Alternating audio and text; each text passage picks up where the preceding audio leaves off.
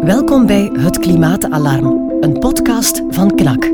Elke econoom die, die goed opgevoed is, bij wijze van spreken, die zou dat moeten onderschrijven. Dat we welvaartsverhogende belastingen moeten introduceren op externe effecten.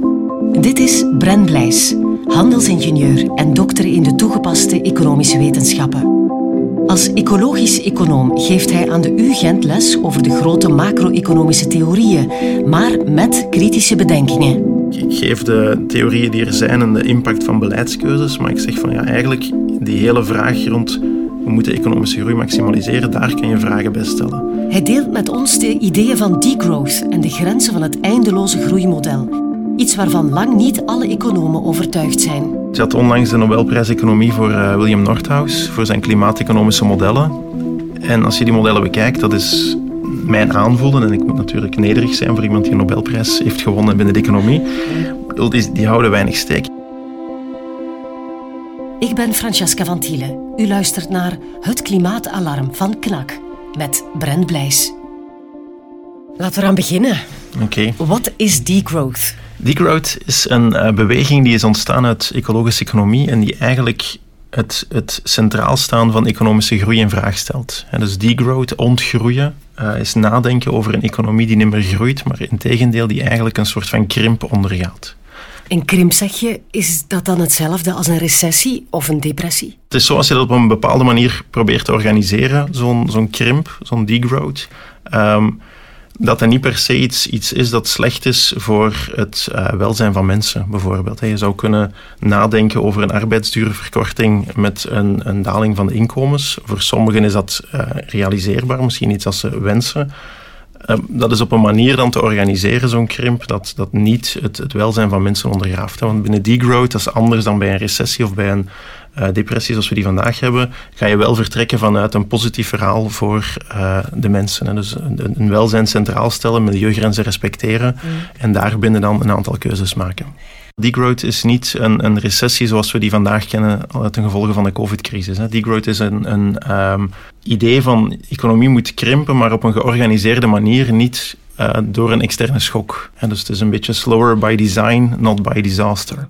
Kan degrowth een oplossing zijn voor het klimaatprobleem? Um, degrowth is inderdaad opgevat als twee uitgangspunten. Het eerste is je wilt welzijn van mensen verhogen. Het andere is je wilt milieugrenzen respecteren. En om milieugrenzen te gaan respecteren moeten we nadenken over wat we consumeren, uh, wat de milieuimpact is van onze gedragingen enzovoort. Dus het, het zit wel in het basisidee van we hebben een krimp nodig om binnen milieugrenzen te gaan uh, komen. Oxford-econome Kate Rayworth is in tegenstelling tot de degrowth-economen wel voorstander van groei, maar dan wel groei die gelimiteerd is door de planetaire grenzen, de buitenzijde van wat Rayworth de donut noemt. But let me introduce you to the one donut that might actually turn out to be good for us. So imagine humanity's resource use radiating out from the middle. That hole in the middle is a place where people are falling short on life's essentials. They don't have the food, healthcare, education, political voice, housing that every person needs for a life of dignity and opportunity. We want to get everybody out of the hole, over the social foundation, and into that green donut itself. But, and it's a big but, we cannot let our collective resource use overshoot that outer circle, the ecological ceiling. Dus we gaan milieugrenzen proberen te respecteren. En als we kijken vandaag in België, we, we zitten in een heel grote overshoot. Hè. Dat is ook te zien bijvoorbeeld in onze ecologische voetafdruk. Mocht iedereen leven zoals uh, de België dat vandaag doet, dan hebben we 4,3 planeten nodig. -hmm. Dus we zitten in die ecologische overshoot en we moeten daar een oplossing voor vinden die oplossing gaan proberen te bewerkstelligen tegelijkertijd met economische groei maakt het zeer moeilijk. Want je hebt dan bijkomende activiteiten en je probeert toch een milieu-impact te reduceren. Maar dus degrowth gaat nadenken over via een, een selectieve krimp in je economie, of in activiteiten, om ervoor te zorgen dat je milieu-impact toch terug naar die veilige grenzen gaat. Maar degrowth staat niet helemaal gelijk aan de theorie die uh, Kate Rayworth um, uitdraagt. Want zij is zeker niet voor een krimp. Er moet nog heel wat scholen gebouwd worden, infrastructuur gebouwd worden. Mensen moeten nog opgetrokken worden naar een hogere levensstandaard. Dat is juist. Er zijn twee punten op. Het eerste is. Um, Kate Rayworth heeft een achtergrond in duurzame ontwikkeling. Dus zij, zij is meer ook bezig met. Uh, groei in het globale zuiden en daar is groei nodig. Hè. Dus degrowth is een verhaal, voor, uh, laat me dat duidelijk stellen, voor ontwikkelde landen. Uh, en in ontwikkelingslanden is klassieke economische groei nog, nog allicht een, een stuk wenselijk om de, de reden die je net aanhaalt. Ze stelt in haar uh, boek Donut Economie wel heel duidelijk van tot waar moet een economie groeien? Want dat is iets waar we niet over nadenken binnen macro-economie. Dus, dus, hoeveel groei hebben we nog nodig? Is het oneindige groei? Op een eindige planeet is dat niet haalbaar, uiteraard. Maar het is duidelijk dat het een, een heel heikel punt is binnen de economische theorie. Als je het hebt over uh, niet-economische groei willen maximaliseren, dat is een beetje vloeken in de economische kerk. En het is duidelijk dat, dat verschillende schrijvers, verschillende denkers daar anders naar kijken.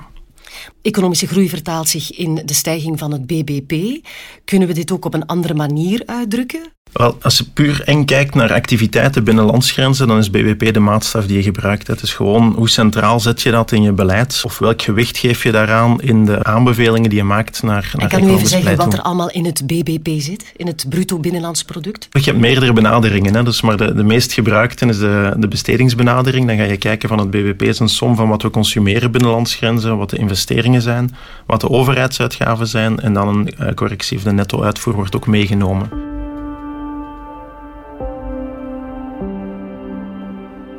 Niet betaalde arbeid, maar ook externe kosten zijn niet opgenomen in het bruto binnenlands product.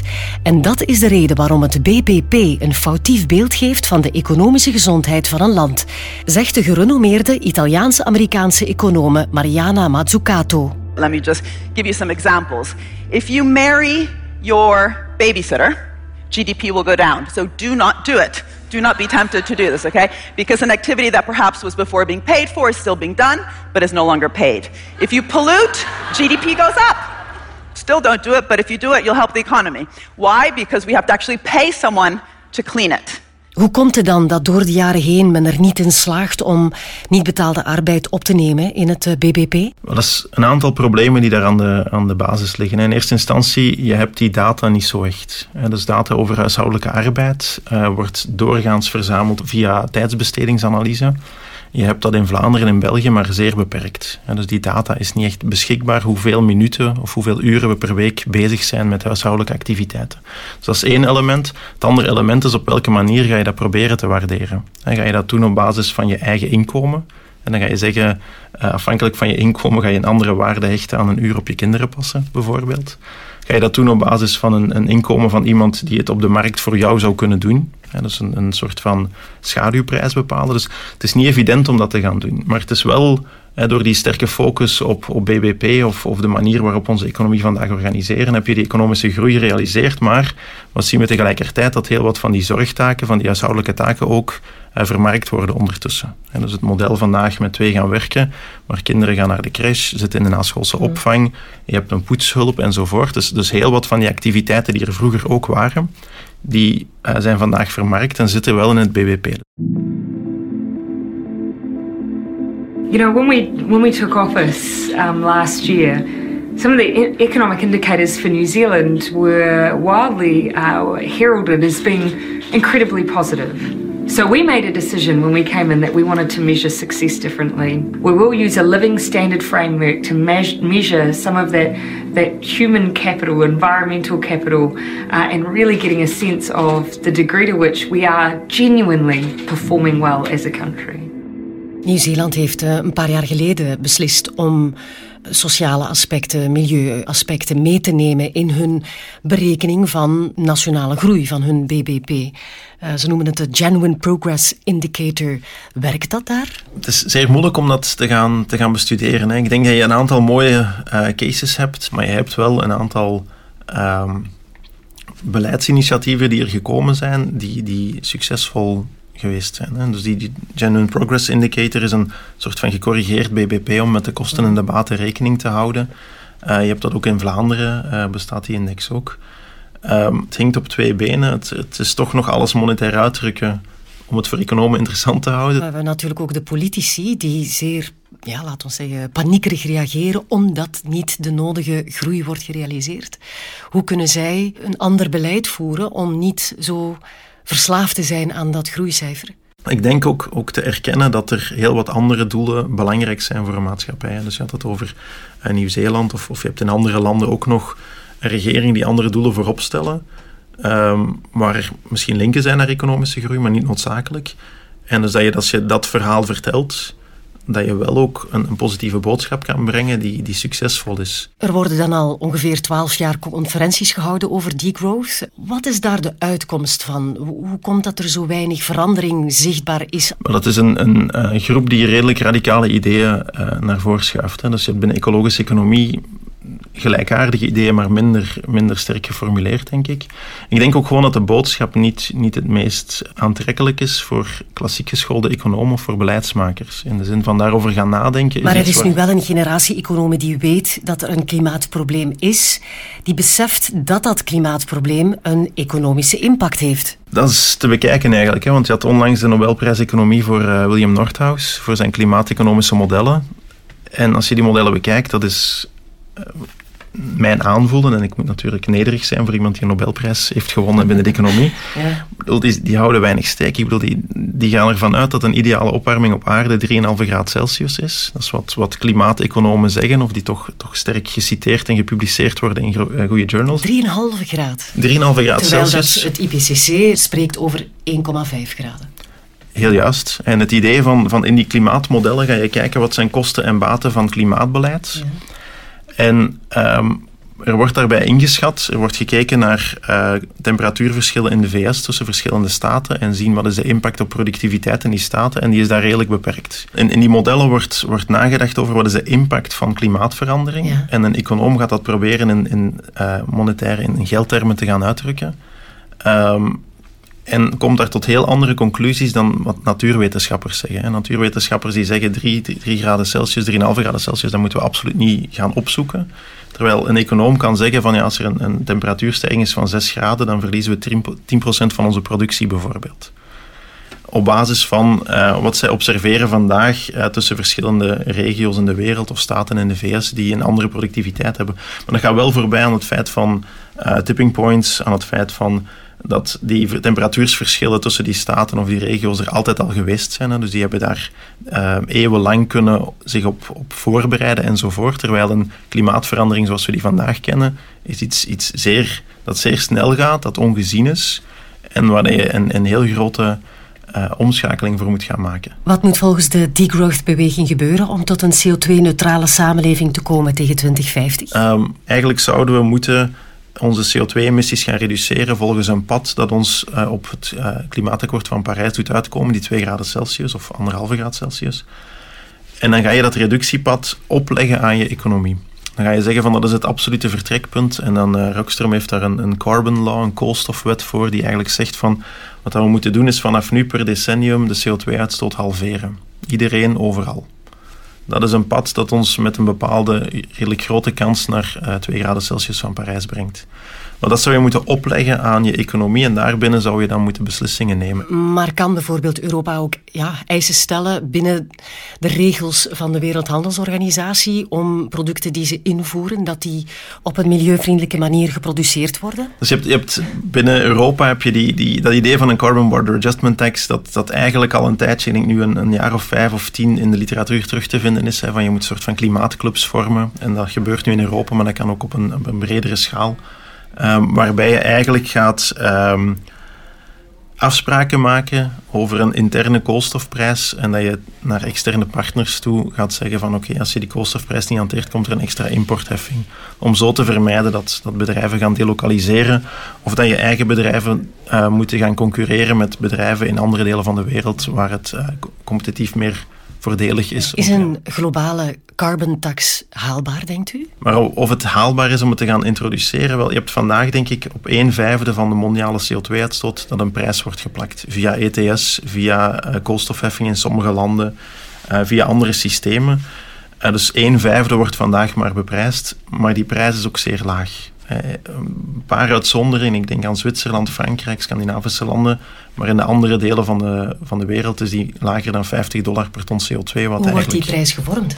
Men gaat kijken naar uh, enerzijds wat zijn de schadekosten van emissies, anderzijds wat zijn de kosten om die uh, emissies te gaan reduceren. En je brengt die twee in evenwicht. En dat is heel klassiek het basismodel milieueconomie, dat op zoek gaat naar wat is het optimale niveau van vervuiling. En je gaat dus rekening houden met die twee types kosten.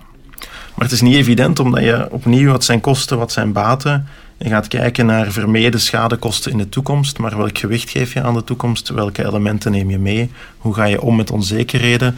Je hebt daar verschillende modellen die een heel sterk verschillende koolstofprijs gaan naar voren schaven. Ik ben Bert Bultink, hoofdredacteur van KNAK. Met het klimaatalarm brengt KNAK het belangrijkste vraagstuk van onze tijd terug waar het hoort te zijn, in het centrum van de aandacht. Niet omdat Greta Thunberg het zegt, maar omdat het letterlijk levensbelangrijk is. Voor ons allemaal.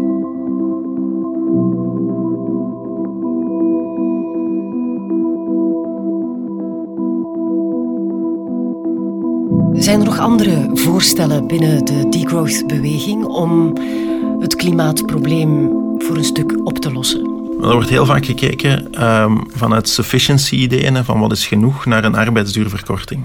Ja, opnieuw, dat, heb je, uh, dat is een van de, van de kernelementen binnen opnieuw ecologische economie en degrowth, uh, allebei. Um, maar je kan er vooral gaan nadenken van op, op zo'n collectief georganiseerde arbeidsduurvermindering. Dat kan een positief verhaal zijn. Dus uh, je hebt vandaag schaarste, denken we vooral in termen van inkomen, maar je hebt ook schaarste in termen van de tijd die je hebt om dingen te doen. Dus je hebt dat evenwicht. Ik denk dat iedereen wel ergens twee lijstjes heeft. Hè, van als ik meer geld zou hebben, dan ga ik dit, dit en dit doen. Als ik meer tijd heb, zijn dat mijn ideeën. En je hebt twee lijstjes waar je een soort van afruil tussen moet maken. En je zou kunnen zeggen van, van zeker in ontwikkelde landen, dat er toch wel redelijk wat mensen gaan zijn die eigenlijk die tijd meer gaan appreciëren. Of als je kijkt naar subject, onderzoek rond subjectief welzijn, wat maakt mensen gelukkig? Um, inkomen is, is daar belangrijk tot een bepaald niveau. Vanaf dan is het relatief inkomen dat belangrijk wordt. Maar dat is zeer moeilijk, hè, want relatief inkomen is een zero-sum game. Als jij plots meer verdient dan je buurman, of, of je hebt een inkomensstijging, je buurman niet, ben jij gelukkiger, maar je buurman is misschien ongelukkiger. Maar tegelijkertijd zien we ook in dat onderzoek dat bijvoorbeeld sociale contacten, familie zien, vrienden zien afspreken, zeker in deze covid-tijden, we missen het allemaal, uh, dat dat ook in heel sterk en in veel sterkere mate bijdraagt tot je subjectief welzijn. Dus met zo'n arbeidsduurverkorting zou je kunnen gaan proberen om, om, om op basis van die inzichten je maatschappij anders te gaan organiseren. Meer vrije tijd, maar ook minder inkomen. Dat valt te rijmen als we evolueren van privébezit naar een deeleconomie. Dat is ook het pleidooi van de Brit George Monbiot, auteur, columnist bij The Guardian en milieuactivist. I would love to see a general shift away from this pursuit of private wealth to a pursuit of common wealth, where um, we have, I mean, the commons is a system um, in which everybody has an equal share of either the resource or the products of the resource. Volgens Monbiot moet het beheer of de opbrengsten van de commons of de hulpbronnen terug naar de mensen gaan. Nu, deeleconomie deelt diezelfde filosofie, maar breekt dat door, die deeleconomie? Ik denk als je het, het meest, de, de oerdeeleconomie misschien, de bibliotheken. Ja. Ik denk dat daar in het verleden wel uh, veel meer trafiek was dan vandaag. Vandaag is het, uh, ja, door, doordat we rijker zijn geworden, denk ik dat iedereen gewoon een, een boek bestelt en dat leest en dan in zijn boekenkast zet. Ja. Uh, langs de andere kant, als je naar autodelen kijkt, ik denk wel dat, dat zeker in steden waar, waar we toch meer en meer jonge mensen zien die naar de auto kijken als een soort probleem ook, dan als naar een oplossing. En dus het is lang gezien als de oplossing voor mobiliteit en het was vooruitgang enzovoort. Dat er daar wel een omslag is en dat je ziet dat, dat het wel kan werken om, om een soort van autodelen op te zetten. En dat zou opnieuw uh, beleidsmatig kunnen worden aangestuurd een stuk. Um, om dat te gaan ondersteunen. Want, want we zien in steden heel sterk dat, dat uh, heel wat publieke ruimte wordt ingenomen door auto's. Op welke domeinen zou er nog winst kunnen geboekt worden door de deeleconomie? De manier waarop we ruimte gebruiken ook. Hè. Dus we hebben allemaal kleine private tuintjes. Je zou dat kunnen eigenlijk meer open organiseren. Je ziet dat dat een deel al gebeurt. Hè. Sommige mensen hier in de buurt uh, gaan hun tuin delen met hun buren. Um, en dan heb je geen twee trampolines nodig, maar één bij wijze van spreken. Um, dus, dus ook daar zou je kunnen gaan nadenken. Dat is ook de idee van de, de Vlaamse bouwmeester, de vorige toch. Um, om, Leo van Broek. Ja, ja om, om daarmee aan de slag te gaan. Hè. Dus, dus die, het is heel sterk uh, geïndividualiseerd, geprivatiseerd, terwijl heel wat waarde ook ligt in, in commons of in publieke ruimte. Er zijn oplossingen voor het klimaatprobleem, maar de sociale impact van sommige oplossingen wordt soms over het hoofd gezien. Uiteraard hebben we het ook gezien, bijvoorbeeld bij de gele hesjes. Hè. Als je aan prijzen begint te raken, bijvoorbeeld via zo'n CO2-heffing, dan, dan heeft dat een impact op mensen, hun consumptiegedrag. Um, die impact die is er. Hè. We hebben het over de noodzaak van een CO2-heffing gehad vanuit een milieu-economisch standpunt. En dat ergens ehm, ja, een, een, heel gek beeld dat ik ook vaak aan mijn studenten meegeef. van als we die externe effecten, zoals klimaatverandering, maar je hebt heel wat andere externe effecten ook nog. Als we die niet in rekening brengen, dan zijn prijzen eigenlijk fout. Dus je staat in een supermarkt, je ziet alle prijzen van alle goederen. Maar eigenlijk zijn die allemaal fout vanuit puur economisch theoretisch punt. In de zin van externe effecten die gepaard gegaan zijn met de productie van die goederen. Denk aan transport, uh, denk aan energiegebruik. Die, die zitten niet of onvoldoende in de prijs verrekend. En je zou dus andere prijzen moeten hebben. En dat is natuurlijk ook een van de redenen waarom beleidsmakers misschien um, een beetje bang hebben van die, die CO2-heffing, omdat dat prijzen, relatieve prijzen gaat veranderen. En, je hebt heel vaak bijvoorbeeld een vliegtuigreis. Hè. Vliegen is vandaag toegankelijk voor iedereen, of toch hier in het Rijke Westen. Um, dat je daar de, de mensen een zuurverdiende vakantie gaat afnemen, maar dan heb je opnieuw die economische theorie die eigenlijk zegt van nee, dat, dat is, die prijs is te laag, die moet hoger zijn. We moeten mensen ontmoedigen om dat te gaan doen. Als er een negatieve externe uh, externaliteit is, dan, dan ga je eigenlijk een markt hebben die te veel produceert aan een te lage prijs. Dus dat is nu eenmaal het gevolg daarvan. En we moeten ook op een andere manier gaan nadenken over hoe we dan naar reizen gaan kijken. En sommige zaken gaan dan relatief gezien duurder worden, een vliegtuigreis, maar een, een andere manier van reizen, ik zeg maar een nachttrein of zo, die, die minder externe effecten genereert, die zal relatief gezien goedkoper worden. dus je, je hebt in dat verhaal van een CO2-heffing gewoon een correctie van de prijzen die vandaag fout zijn. Um, en je gaat dan ergens sturen naar die activiteiten met een lagere milieu-impact of een, een lager extern effect. En dan ga je eigenlijk vandaag uh, marktspelers hebben die, die welvaartswinsten realiseren ten koste van andere vandaag of toekomstige generaties. En dat is het hele klimaatvraagstuk uh, samengevat in dat ene beperkte vraag- en aanbodmodel. Uh, en daar moet in principe worden tegen opgetreden. En, en elke econoom die, die goed opgevoed is, bij wijze van spreken, die zou dat moeten onderschrijven. Dat we welvaartsverhogende belastingen moeten introduceren op externe effecten. The spread of the coronavirus has been a major shock to the growth prospects of the global economy and the euro area economy. Even if ultimately temporary, it will have a significant impact on economic activity. It will slow down production and reduce domestic and foreign demand. Christine Lagarde, voorzitter van de Europese Centrale Bank, einde maart. De coronacrisis sloopt alle economische groeiverwachtingen. De alarmbellen gaan af en grootse stimulipakketten worden gelanceerd om noodlijdende sectoren te redden. Daar worden weinig tot geen sociale of klimaatdoelstellingen aan gekoppeld. Hetzelfde gebeurt in de financiële wereld. Ik had onlangs een, een gesprek met iemand in, in, Sustainable Finance en die zei van eigenlijk wat we vandaag via onze financiering toelaten in het buitenland zijn dingen die we al meer dan 100 jaar hebben afgeschaft. Dus wij kunnen financieel investeren in bedrijven die uh, in India of in, in Bangladesh uh, in, in, zeer slechte omstandigheden kleding laten maken. Um, en hier laten we dat niet toe dat dat zo gebeurt. Mm. dus, dus je hebt daar een, een, een shift die, die mogelijk is. Langs de andere kant, ja, het gaat ook over een transitie die sowieso aan, aan het plaatsvinden is. Hè. Misschien niet in de mate waarin die growth wilt, maar, maar je hebt de Green Deal van de, van de Europese Unie die eraan komt, uh, die een bepaalde richting geeft aan onze economie, die we zullen moeten volgen. En het is dan maar een kwestie van er goed op voorbereid te zijn, denk ik. Um, en die boot niet te missen. je hebt heel wat bedrijven in verschillende sectoren. Sommige gaan meer eh, aan de kaart trekken omdat zij voorloper zijn. Ze gaan willen dat dat beleid versneld wordt geïntroduceerd omdat ze daar baten bij hebben. Anderen die achterop lopen, die gaan eigenlijk dat willen tegenhouden. Hebben een soort van status quo bias. Maar het is belangrijk dat zij ook weten van oké, je kan het een beetje tegenhouden, maar in die end gaat het er wel komen. En dan kan je maar beter voorbereid zijn als bedrijf, maar ook als land of als regio. Het hele beurssysteem is gebaseerd op winstmaximalisatie van uh, bedrijven. Welke hervormingen kunnen daar worden doorgevoerd?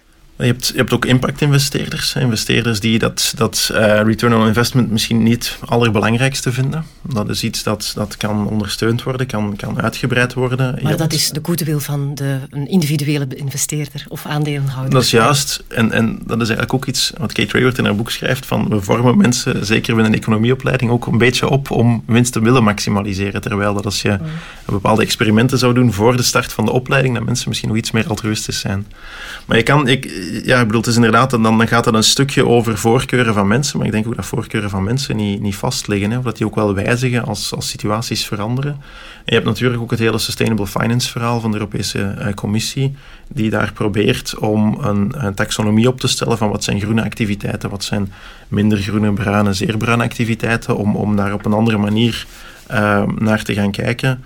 Um, ook binnen financiële markten. Hè, want ik, ik kan me inbeelden dat heel wat banken vandaag ook zich vragen stellen bij als er zo'n transitie komt. Wat is de impact op alle actieven dat die banken hebben? Hè? Wat is de impact op bepaalde bedrijven die uh, vandaag in zeer milieuvervuilende sectoren zitten, die een switch gaan moeten maken? Die bedrijven zelf zijn er ook mee bezig. En dan heb je heel wat uiteenlopende, wat we het daar net over hadden. Hè. Sommige bedrijven gaan dat erkennen, weten dat dat een uitdaging wordt, staan er al in voorop. Anderen gaan nog op de rem blijven staan om dat tegen te houden. Als bedrijven niet meer voor winstmaximalisatie gaan, zijn er ook minder uh, belastingsinkomsten voor de, voor de overheid. Men denkt dan aan de klassieke taart die door de industrie, door de economie hè, in het algemeen wordt gecreëerd. Hoe kunnen we dan publieke voorzieningen um, financieren? Ik denk niet alleen aan ziekenhuizen en aan uh, scholen bijvoorbeeld, maar ook aan die klimaattransitie waar we toch heel wat geld in zullen moeten investeren. Dat is juist, dat is een, een, een belangrijk aandachtspunt. Dus daar, daar moeten we um, naar oplossingen gaan denken. En, en uh, binnen degrowth, binnen ecologische economie, gaat het dan vaak over uh, meer progressief belastingheffen. Het gaat over uh, vermogensbelastingen. Het gaat een stukje over van, van hoeveel dus als je vanuit een ongelijkheidsbril kijkt, van, van hoeveel ongelijkheid wil je toestaan in je maatschappij. Is het, is het logisch dat een CEO 400 keer zoveel verdient dan de persoon in het bedrijf met het laagste inkomen of niet? En vinden we dat rechtvaardig? Kunnen we dat toelaten, ja of nee? Hetzelfde met, met uh, vermogensopbouw. Hè. Heb je ooit het leven uitgespeeld in economische termen? Dat je een maximum vermogen hebt opgebouwd en je zegt van de rest is... Maar opnieuw, dat, dat is een, een moeilijke kwestie, want, want die publieke uh, voorzieningen zijn natuurlijk wel zeer, zeer belangrijk. Hè. Dus je moet daar gaan nagaan. En dat is eigenlijk de, de ongeschreven reden waarom die economische groei zo belangrijk is voor beleidsmakers. En dat geeft een meer ruimte, die taart wordt groter. Ja, dus mensen kunnen vooruit gaan zonder het van de anderen te moeten afpakken. De trickle-down economy noemt dat dan. Um, maar ik, ik haalde het eerder al aan, we zijn al in een economische realiteit waar de groei in het verleden 5% was. Vandaag is die nog anderhalve procent.